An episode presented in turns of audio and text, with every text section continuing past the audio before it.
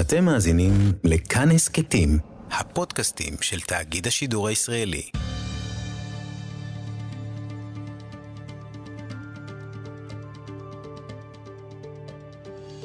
כיוון הרוח עם בני טייטלבוים שלום לכם. בישראל כמו בישראל, הכל בסוף עובר לבית המשפט העליון בשבתו כבג"ץ. הרבה, הרבה סוגיות רבות שם מוכרעות, וזה לא רק בעניינים הפוליטיים המוכרים, אלא כל נושא שבעולם מחיסונים ועד uh, דברים שקשורים לכלכלה, גם נושאים ששופטים לא בהכרח מכירים ובקיאים בהם. הכל בסוף מוכרע, לפעמים ברוב של שניים מול שופט אחד, או שתי שופטות מול שופטת אחת, גם זה יכול לקרות.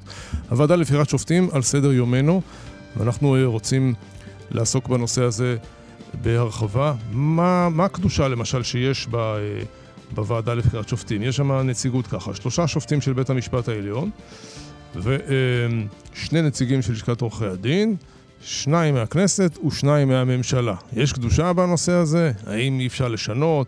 מה קרה? אנחנו רוצים לדבר איתך, דוקטור שאולי שרף, שלום. שלום וברכה. מרצה למשפט חוקתי, מנהלי, משפט וטכנולוגיה במכללת פרס ברחובות. אה, ואנחנו מכירים, כבר היית כאן אה, באולפן.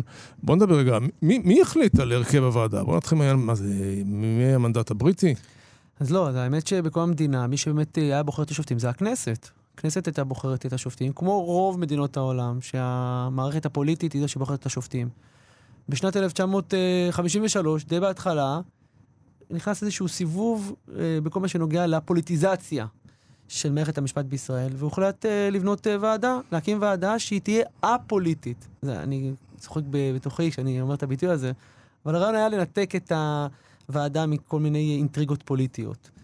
והדבר האחרון שאפשר להגיד היום על הוועדה שהיא רחוקה מפוליטיקה, ויש אפילו מחקרים היסטוריים שמראים שכבר בתחילת דרכה האינטריגות הפוליטיות היו קיימות, אפילו לא ברמה של ימין ושמאל או דברים עקרוניים ומהותיים, אלא בדברים אה, ברמה האישית. שמור לי ואשמור לך. ברור, מה, כולנו בני אדם. נכון, אבל כנראה לא הבינו את זה בתחילת הדרך. והוועדה שנוצרה היא ועדה מאוד מאוד ייחודית אה, אה, בשטח העולמי אפילו. אני אסביר למה הכוונה. כשאנחנו מדברים על הוועדה לבחירת שופטים, מדברים על ועדה שבסופו של דבר אה, אמורה לבחור את השופטים. ויש גם עוד מדינות שיש בהן. אגב, את כל השופטים, לא רק שופטי העליון. כל השופטים, נכון. לא שופטי כדורגל, אבל כן, כל השופטים במדינת ישראל. גם לא שופטים בתחרויות בישול. תחרויות בישול או מוזיקה, נכון. נכון. אבל uh, בישראל כל השופטים נבחרים דרך הוועדה. אגב, גם קידום של שופטים, משלום למחוזי, ממחוזי לעליון, נבחרים דרך הוועדה. בעולם יש uh, ועדות שעובדות בצמוד למערכת הפוליטית. כן, יש מדינות שה... הפרלמנט, הרשות המחוקקת בוחרת, או הרשות המבצעת, או גם המחוקקת וגם המבצעת. למשל, בארצות הברית, הרשות המבצעת בוחרת את זה. זה נשיא ארצות הברית המפורסם, בוחר את שופטי העליון הפדרליים, והקונגרס צריך לאשר לו את זה. לא, יש שילוב שם בין שני, אה, שתי הרשויות הפוליטיות האלו. יש מדינות שיש לצד הרשויות ועדות. יש כאלה ועדות שמאתרות את השופטים, ומתוך השופטים האלו המערכת הפוליטית בוחרת, או ההפך, המערכת הפוליטית מאתרת את השופטים, ו... אה, הוועדה בוחרת מתוך מי שהפוליטיקאים רוצים. פה בישראל, הוועדה חולשת על כל התהליך. זה, אין דבר כזה כדמותו בכל העולם. שהיא גם היא מאתרת את השופטים, גם בוחנת את השופטים, וגם בוחרת את השופטים. כלומר, אין שום כמעט מגע לציבור בצורה ישירה אה, במהלך אה, הבחירה של השופטים. יש גם אה, את העניין, ראיתי עכשיו, שנאסר על חברי הוועדה להיפגש עם המועמדים לשיפוט. זה לא מדויק, זה יותר נכון הנחיה של אסתר חיות, או איזשהו ככה... אה, נשיאת בית המשפט העליון. נשיאת בית המשפט העליון, כן. אה, ביחס להתנהלות אה, של אחד מחברי הוועדה, שמחה רוטמן, שבא ומבקש לחקור ולעמוד על עניינם ועמדתם של השופטים. שמחה רוטמן ידוע, חבר הכנסת שמחה רוטמן ידוע בתור אדם שמכיר את, את שופטים כיצורים פוליטיים, והוא רוצה לדעת מה, מה מוביל אותם לשיפוט.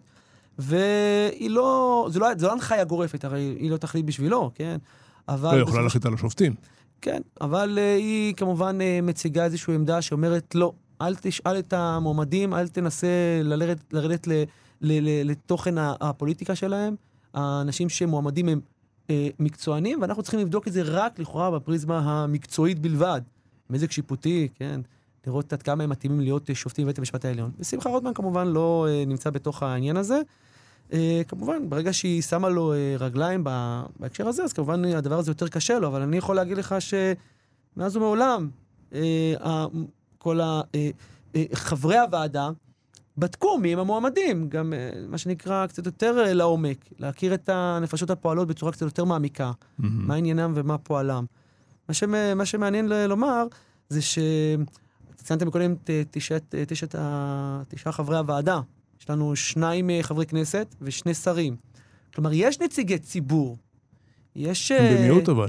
בדיוק, הם מיעוט. זה ארבעה מתוך תשעה. למה לא שינו את זה אף פעם? מישהו ניסה ומישהו בלם? אז היו כל מיני הצעות, דווקא מכיוון אה, אה, לשכת עורכי הדין, כלומר להוציא את שני החברי לשכת עורכי הדין ולצרף עוד נציג אחד אה, לרשות המבצעת ועוד רשות, ונציג אחד לרשות המחוקקת, ככה שיהיו בערך שישה אה, נציגי ציבור ועוד שלושה של הרשות השופטת. אבל כשלך יש כוח, אתה ת, תוותר על הכוח הזה? לא, אבל הימין, שהיה בשלטון הרבה שנים ו- והתמחה בלקטר על בית המשפט העליון אה. ועל אה, ניהול המדינה דרך בג"ץ. אז זה לא... כבר אה, דיון לשיח אחר, איך הימין בשלטון והשמאל הבנתי. שולט, זה כבר... הבנתי. בואו נדבר. אז רגע, מי הם חברי... מי הם שני...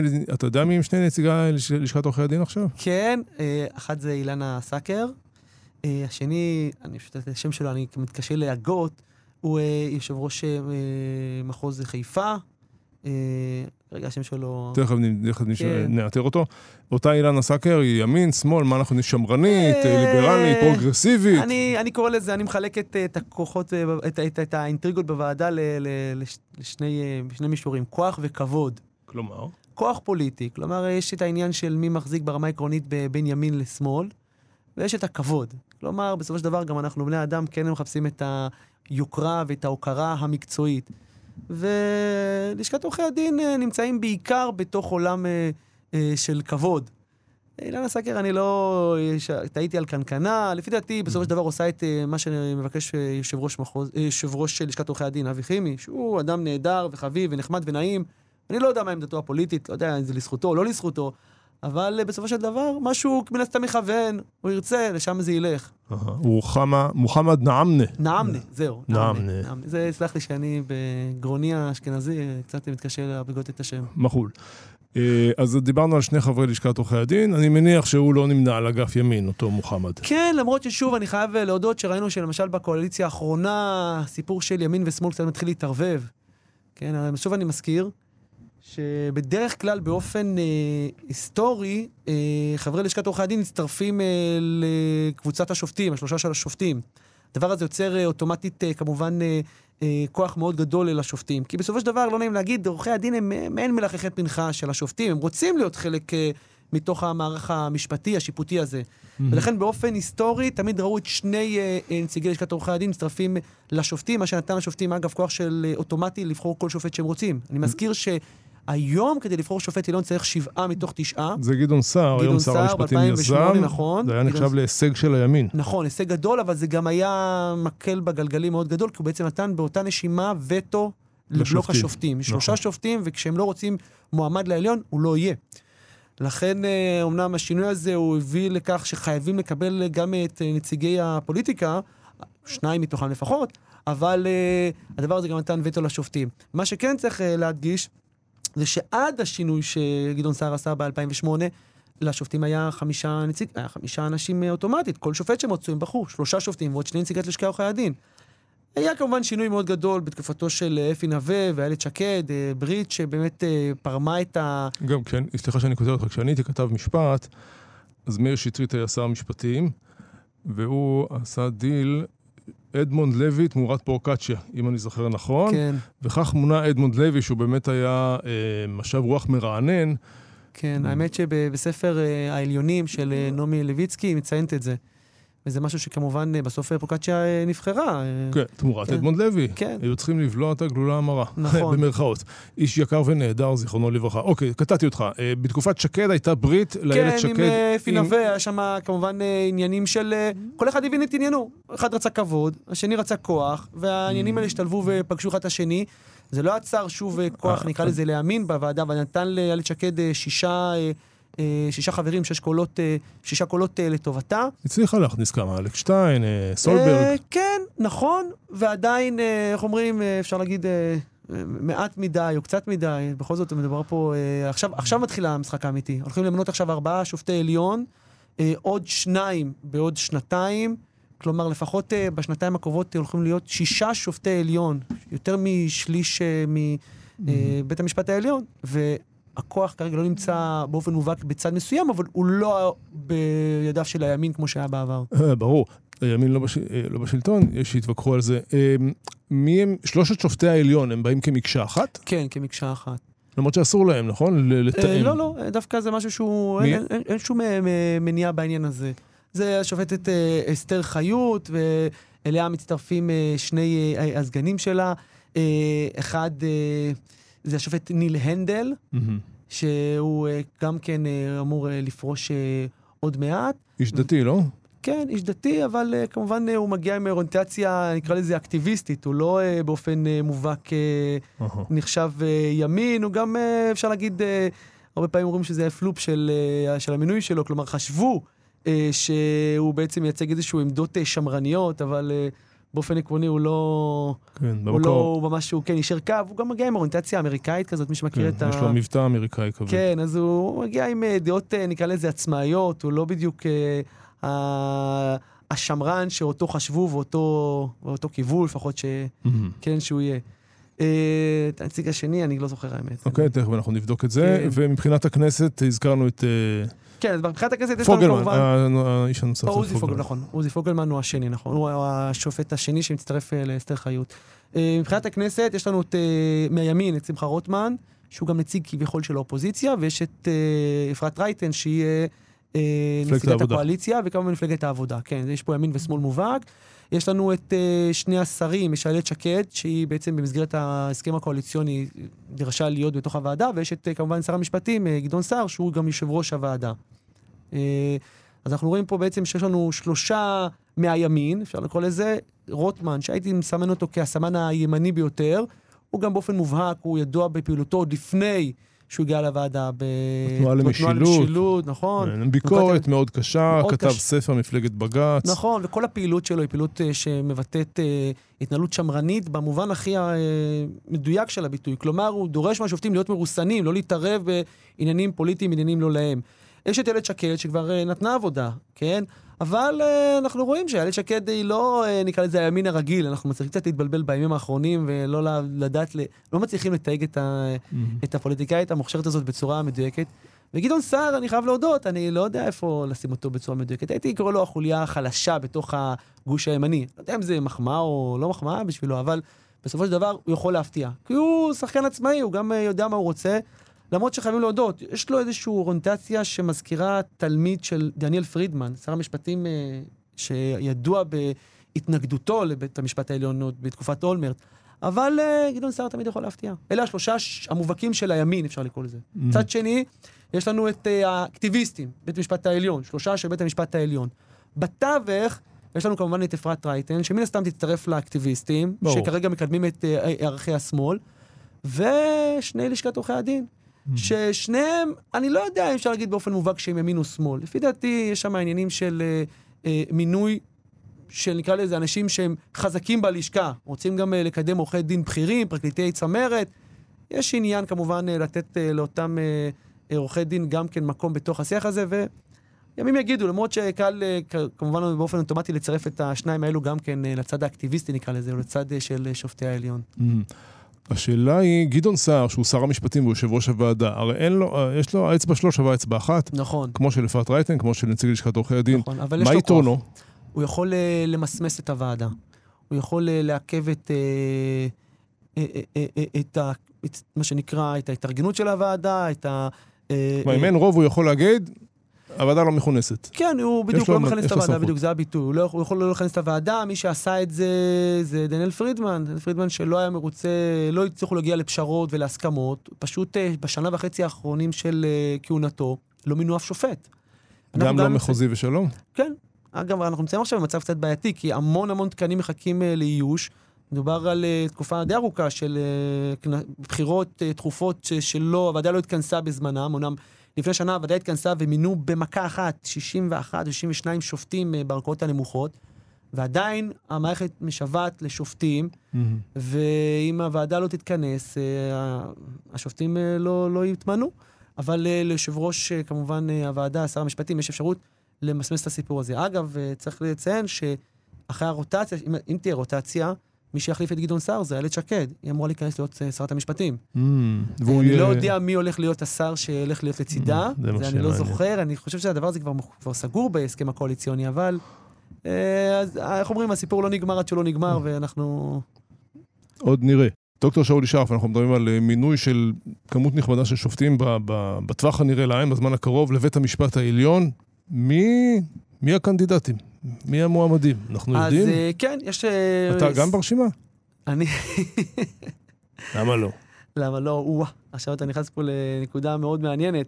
תראה, בשביל להיות אה, מועמד בתוך הרשימה הזאת, אתה בעצם, אפשר להגיד, אתה חושף את עצמך לחקירה שתי וערב. לא רק אה, מה, יש לך שלדים בארון, דוקטור? קודם כל לא, אבל אתה לא. יודע איך, לך תוכיח שאין לך אחות. זה כבר, אוקיי. כשלעצמו כבר כמובן דורש אה, משאבים ועצבים והרבה אה, אנרגיות. אז אה, כל מי שמגיע כמובן להיות אה, מועמד אה, צריך אה, להתכונן לכך שמכל כיוון אה, כמובן אה, יחקרו אותו ויבדקו אותו ויבדקו בציציותיו עד, אה, עד שהוא יוכיח את, אה, את חפותו. כן. אתה, אגב, אתה חושב, אני לא... לפני שנגיע למועמדים עצמם, שמה שעובר על התקשורת בשנים האחרונות מרחיק אנשים טובים מלהיות מועמדים? חד אני משמעית, לא כן. רוצה את הכאב ראש נכון, הזה. כן, כן, כן, זה נכון לא רק אה, לשיפוט, זה נכון גם לא, אה, לפוליטיקה. לכל תפקיד ציבורי בעצם. כן, מיד, אה, גם אם, אתה יודע, אנחנו לא מדברים אפילו על עניינים פליליים, עצם עניינים מוסריים שנתפסים בצורה מסוימת כלא נקיים בצורה מדויקת, הדבר הזה כמובן יכול להתהפך עליו. אנחנו רואים את מאיר שטרית. עכשיו, אני לא אתחיל לחקור את הסיפור מה היה, כן היה, תזכיר אבל לנו. פלילי לא היה. מאיר שטרית, אני מדבר בכלל על עניין אחר, שעכשיו עלה בעניין אה, הוועדה לאיתור היועץ המשפטי לממשלה. אה, שר המשפטים מינה אותו במסגרת החמישה חברים שאמורים להיות בוועדה, והיה סיפור של אה, הטרדה מינית או איזשהו חשדות. היה כתב אישום, בטח לא הורשע.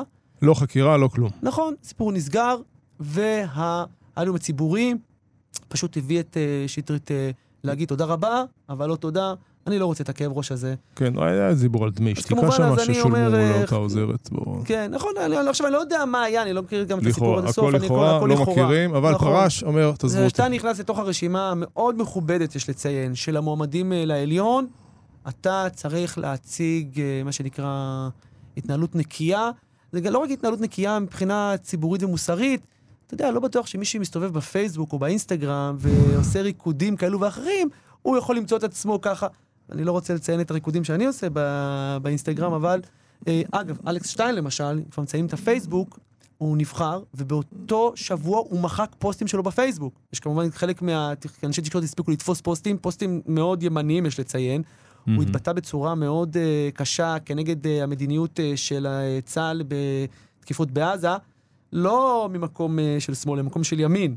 וכל הפוסטים האלה נעלמו. כי אתה צריך להיות uh, מ- כביכול אובייקטיביות. נו באמת, חנן מלצר, שופט בית המשפט העליון, היה יושב ראש ועדת הבחירות, הוא היה התמודד למפלגת העבודה, נכון, היה יועץ משפטי של מפלגת נכון, העבודה. נכון, מה נכון. מה אנחנו מדברים? מה נכון, הצ- אבל מה אה, הצביעות גם הזאת, תגיד? העלו. אז אמרו שעברו מספר שנים, עברו איזה 20 שנה. מאז אה, שהוא היה, אה, נו, אה? הוא היה פעיל אה, מאוד אה, בכיר במפלגת העבודה. אתה צודק, אני מסכים איתך. אני חושב אה, שהשופטים הם אה, כמובן יצורים פוליטיים, ואין שום בעיה עם זה שיציגו את עמדתם גם אדמונד הפוליטית. לוי היה איש ליכוד אה, נכון, בראשון לציון, נדמה לי. ברמלה. רמלה, תודה. כן. יש 24 מועמדים. או, תודה. אנחנו יודעים מי אותם 24 מועמדים, כבר הם מפורסמים שמם. אגב, בעבר שמם גם לא היה מפורסם. יש לך את השמות? כן, מופיע כאן לפניי. אה, אוקיי. ממש אנחנו רוצים לדעת מי השמות, אז זה מעניין לראות שיש כאן אה, אה, שופטים, אה, שופטי מחוזי אה, מוכשרים מאוד, יש כאן אנשי אקדמיה, יש אה, אנשים מהפרקליטות, למשל, אה, אפשר לציין את שמה של סיגל יעקבי, אה, כונסת הנכסים הרשמית והאפוטרופוס הראשי של מדינת ישראל, אה, לא, היא, לא, היא לא מהפרקליטות במובן הרגיל, אבל היא עושה תפקיד ציבורי מאוד מאוד חשוב. יש את שופט אה, יגאל מרזל, שהוא גם מנהל בתי המשפט. שזה לא בעייתי אגב? אז אה, דיברו באמת על איזשהו ניגוד עניינים, הוא כמובן היה צריך אה, להסיר מעצמו כמה וכמה סמכויות. אני מציין את אה, דוקטור יגאל מרזל, שמציינים שהוא למשל גם בן טיפוחיו של אהרן ברק, וכמובן ישר הוא שם על עצמו סירנה או איזשהו סדין אדום. כמובן יכול להיות שהוא גם הופך להיות גם סדין לבן, תלוי מאיזה כיוון מסתכלים על זה. אבל כמובן ה-24 האנשים האלה הם אנשים שמן הסתם ראויים וכשרים להיות. מה שמעניין לציין שבכל הרשימה הזאת יש רק ערבי אחד. יש ערבי אחד שהוא מפורסם מאוד, השופט ח'אלד כבוב, שופט מחוזי, שופט פלילי מאוד רציני. היה מרצה שלי באוניברסיטה. אז הנה, אז בכלל, אני יכול כמובן לשבח אותו מן הסתם. מרצה מצוין, כן. והשופט ח'אלד כבוב... הוא כבר סגור, אפשר להגיד. זה הכיסא הערבי. הכיסא הערבי, נכון. אגב, זה מדהים שעדיין יש הכיסא הערבי. פעם היה הכיסא הדתי, זה קצת... נכון, פעם הכיסא הדתי, פעם הכיסא... הכיסא של האישה, הכיסא המזרחי היה. אז היום, אמנם אין שופטים מזרחים חוץ מאלרון, אם אני לא טועה, חוץ מהשופט אלרון, אין היום שופטים מזרחים, אבל כבר עברו הרבה מים בנהר. שזו גם חרפה בעיניי. מה זה? יש כאלה שספרו שמקום המדינה כיהנו איזה חמישה או שישה שופטים מזרחים. אוקיי, זה מעניין, לא ספרתי, אבל אני חושב שכבר היו מספיק אה, שופטים אה, מזרחים. טוב, שופטים דתיים כבר לא חסר, כן? אה, לפחות בזמן נתון יש שלושה, ארבעה שופטים בזמן, באותו זמן. אבל שופט ערבי יש רק אחד, וכנראה מפחדים שאם לא יהיה מועמד, אז גם זה לא יהיה, וכמובן מדובר פה על 20% מאזרחי מדינה, שלא יהיה להם נציגות בבית המשפט העליון. אבל זו שאלה, האם בכלל צריך שיהיה גיוון בבית המשפט. הרי אם זה לא פוליטי, ואם הם מקצוענים, אז מה זה משנה מי אתה, מה אתה, מה מגדרך דוקטור שאול שרף, הכל פוליטי. אוקיי, אתה לא צריך לשכנע אותי. הכל פוליטי. כתבת על זה מאמר, ראיתי. כן. בוא נדבר רגע על המועמדים בולטים. אגב, שי ניצן הוא מועמד? לא, שי ניצן הוא לא מועמד. אני גם לא חושב שהוא ילך להיות מועמד. אני חושב ש... גם הרבה פעמים אתה צריך להבין את המקום שלך גם באינטריגות הפוליטיות. שי ניצן אה, כפרקליט אה, הוא עשה עבודה נהדרת, אבל... אה, יש כאלה שהתווכחו על המשפט כן, הזה. כן, אבל אני, כן, נהדרת הכוונה, המערכת מרוצה מההתנהלות שלו. אבל uh, אני מעדיף לא להוסיף. אתה יכול, אתה, אני אגיד לך מה... אני אתן לך מועמדים כן. בולטים למשל, פרופסור יואב ספיר, יש מי שעומד בראש הסנגוריה הציבורית. Mm-hmm. אפשר לציין גם את פרופסור סוזי נבות, מרצה בכירה במכלל המינהל. הזכרתי את סיגל יעקבי, פרופסור אביעד הכהן. וגם את אה, דוקטור חגי ויניצקי, שני חובשי כיפה, שניהם uh, מגיעים משער המשפט, אנשי האקדמיה. Uh, יש כמובן את השופט גרשון גונטובניק, שהוא היה אגב מאמן שלי uh, בוויינרוט, בהתמחות. הוא שופט מחוזי. כבר אנחנו כן. בעדו, כן. uh, יש כאן את עורך דין נתי שמחוני, שעכשיו פרקליט צמרת, שאגב הוא מועמד מאוד חשוב לשני נציגי לשכת עורכי הדין, כן? רוצים לקדם אנשים מתוך הפרקטיקה. הזכרנו גם אה, כמובן את, אה, אה, את יגאל מרזל, פרופסור שחר ליפשיץ, היה דיקן אוניברסיטת בר אילן, היום הוא כמובן מרצה בכיר שם, ועוד אנשים טובים וחביבים פה. שלא בטוח שהמאזינים יכירו אותם, כמו השופט צבי ויצמן והשופט רם וינוגרד, mm-hmm. בן של... לא, הבנתי. לא מוזר אגב שעורך דין פרטי, שבוא בוא, בוא נוריד את המסכות, עורך דין פרטי עושה כסף. פתאום ללכת לעליון, עם מגבלות מאוד קשות, גם על uh, אורחות חייך, גם על ההתבטאויות שאתה יכול להגיד, וגם על שכרך, שבסוף הוא שכר שהוא זעום למה שהתרגלת בשוק הפרטי.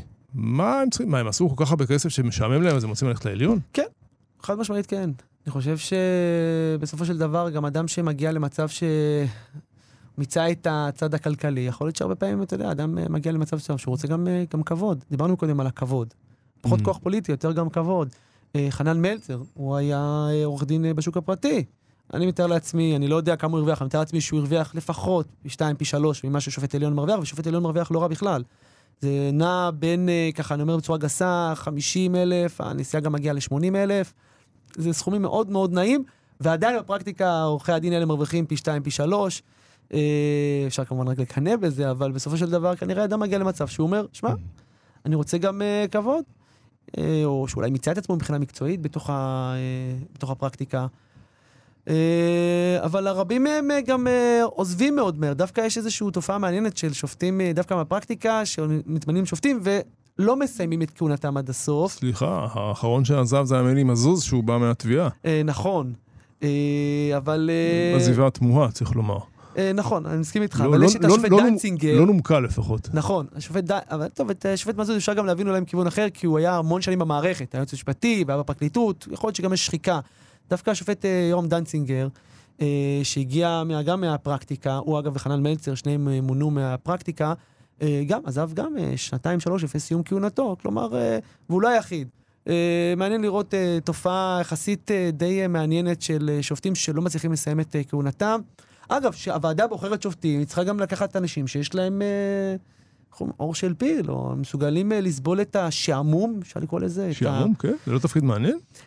אתה שואל אותי, באופן אישי אני חושב שזה מאוד משעמם להיות שופט. כי מה? כי אנחנו בתקשורת מתעסקים בפרומיל אחוז מהעתירות המעניינות, נכון. הרוב זה אירועים אזרחיים. וגם, וגם הסיפורים המעניינים, תחשוב כמה שעות הם צריכים לשבת בבית המשפט ולשמוע את הסיפורים ה... כן, וכל אחד טוען את טענותיו. תגיד, אתה חושב שלהקליט פה פודקאסטים זה תמיד... אה, זה? נכון, מסכים נו. איתך, אני מסכים, לא, אני לא מזלזל, נכון, אדם שעושה עוד פעם ועוד פעם, אבל תחשוב שפה אתה מדבר, הם שם צריכים לסתום את הפה ולהקשיב שעות על גבי האמת, שעות. זה, הייתי כתב משפט ביליתי הרבה שעות באולמי בית המשפט העליון. הנה.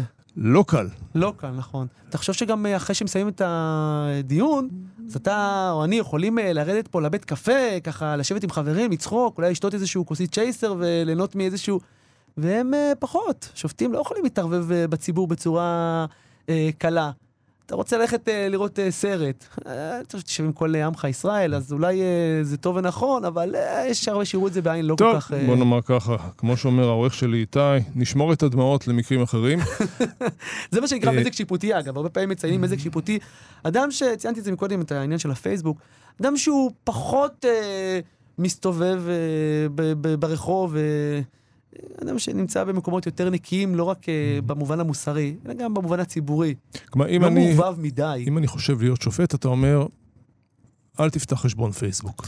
לא אה, טוב. פחות, נכון. אם אתה רוצה להיות חבר כנסת, כן, זה נהדר. לא, לא, זה ברור. אם אתה אבל- רוצה להיות שופט, כן. פחות להיכנס לרשתות החברתיות, פחות להתבטא מבחינה פוליטית. אה, כן, לגמרי. תגיד, אתה מזהה מתוך הרשימה הזו איזה, איזה, איזה, איזה דמות מעניינת שככה אה, יכול להיות לכיוון ימין או שמאל, לא חשוב, אבל מישהו ש, שהוא יכול להיות, אה, בזמנו היה גידי ספיר, אבל הוא היה סדין אדום. כן, אגב, גידי היה המנחה שלי בדוקטורט. אנחנו לא יוצאים מזה, כולם ינחו אותך. כן, מה אני נו. אעשה? אבל, אבל לא, מישהו ש... ש... כמו סולברג, אוקיי, סולברג בחור טוב, אני מכיר את משפחתו מחיפה. תראה, אני לא, אני לא רוצה אה. לצבוע אנשים אה, באופן פוליטי. אתה יודע, גם אה, אני לא יודע מה עמדתם של אנשים עד שהם בסופו של דבר לא, לא מגיעים ויושבים שם. אני יכול אה, כמובן אה, לשער. האמת שיש כאלה שאני לא יכול, אני לא חייב לשער, אני יודע במפורש. למשל, אה, דוקטור חגי ויניצקי.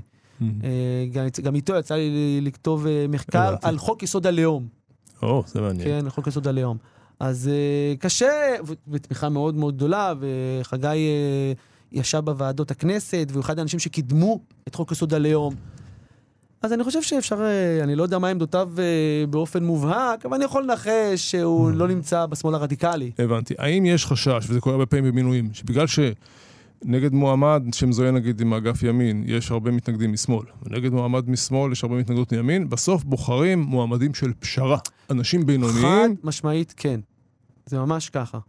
אה, אפשר לתת אה, את הדוגמה אה, אה, בתקופת... אה, מתי שסולברג אה, מונה, באותה, באותו מינוי היה גם את אה, השופטת דפנה ברק ארז. זה היה ברור שסולברג הוא מינוי של הימין, דפנה ברק ארז, דיקנית אה, של אוניברסיטת תל אביב אה, לשעבר, היא מעין מינוי של השמאל, אה, ומינו עוד אה, שופט. מי? כרגע שמו לא עולה לי, אבל לא, אה, הוא. כל, הוא כל כך למלה, מה שנקרא, לא מזיק ולא מועיל, שזה היה ברור שהוא פשרה. כלומר, אה, השופט השלישי, וכולם אגב מונו באותה, באותה נשימה. אה, אבל אה, זה בעצם ביטוי מאוד גדול לכך שהרבה פעמים דווקא אלה שהם, נקרא לזה, הם הכי פחות בולטים, הם, יש להם את הסיכוי הכי טוב להיבחר בסופו של דבר. לסיכום, יש לנו דקה שתיים, אה, דוקטור שאול שרף. האם השיטה טובה או רעה? לפי דעתי, השיטה, אי אפשר להגיד עליה היא טובה או רעה. זה כמו שתגיד לי, האם שתיים הוא יפה ושלוש הוא מקסים. הש... השאלה, מה עושים עם השיטה, או איך פועלים עם השיטה. כל שיטה יכולה להיות נהדרת, השאלה, מי הם האנשים, נקרא לזה, אוקיי? לא, אני אחדד. משום שאם בג"ץ דן בסוגיות פוליטיות מובהקות, יפה. כמו מתווה הכותל, כמו גיור, כמו חוק הלאום, ואז אנשים מימין אומרים, אתם פוליטיים, נכנסתם למגרש הפוליטי, בבקשה, אז בואו נבחר אתכם על בסיס פוליטי. וזה בוועדה לא יכול לקרות, למה לא? כי זה לא קורה עובדה. אז אולי זה מה שצריך בעצם אה, לשנות או לתקן בשיטה. אני אגב באופן עקרוני נגד שינויים דרסטיים, כן? יש כאלה שטוענים לפרק את הוועדה, וכמובן אה, להחזיר את הכוח אה, לציבור, או דרך נציגי הציבור. אני חושב שאם אנחנו יותר ויותר נחשוף, נקרא לזה, את השכבה הזאת, נסיר את השכבה הזאת ונחשוף שבאמת הכל פוליטי, אז גם הוועדה לבחירת שופטים יפסיק להתנהל כביכול באופן אובייקטיבי, ויבין שיש אה, כמובן אינטריגות פוליטיות, במובן דווקא הטוב של הביטוי, ימין ושמאל, ובאופן הזה כמובן אה, הוא יצטרך גם לקבל את ההחלטות לגבי השופטים השונים. הדברים יהיו שקופים מול הציבור, הציבור ייתן את הפידבק שלו, מרוצה לא מרוצה, ולכן גם יקבל מועמדים שיהיו, אה, נקרא לזה, הציבור יאמין בהם, או הציבור mm-hmm. לפחות אה, לא יתנגד אה, לבחירתם. אתה בעד למשל להעביר בשידור חי, בטלוויזיה, את הדיונים של הוועדה? אני חושב שעוד אנחנו רחוקים משם. אני חושב שזה דבר שהוא יכול להיות, אבל כמו שעושים, אה, כמו mm-hmm. שעושים בארצות הברית, שחוקרים עושים לפעמים חקירות כאלו. שידור חי, אני יכול להגיד שזה אולי מאוד מאוד קיצוני. בוא נתחיל עם זה, אתה יודע מה? נו. שיחשפו את הפרוטוקולים במלואם. עדיין הפרוטוקולים, רק משנת 2012, התחילו... לספר מה האג'נדה, כלומר מה סדר היום של הוועדה, אבל עדיין הפרוטוקולים לא חשופים. בואו נתחיל עם זה. אחר כך אה, נתקדם לשידור חי. יש לנו עוד זמן. כן. הוועדה לבחירת שופטים, על המדוכה מינוי של אה, משהו כמו מחצית משופטי בית המשפט העליון בשנים הקרובות. דוקטור שאולי שרף, המרכז האקדמי פרס, משפטן. תודה רבה שבאת לאולפנינו. תודה רבה לכם. ותודה גם לעורך איתי סופרין. אפשר להאזין לנו באתר כאן, ביישומון כאן, בכל יישומוני ההסכתים. דף הפייסבוק, כאן הסכתים, מומלץ בחום. אני בני טייטלבום, תודה ושלום. כיוון הרוח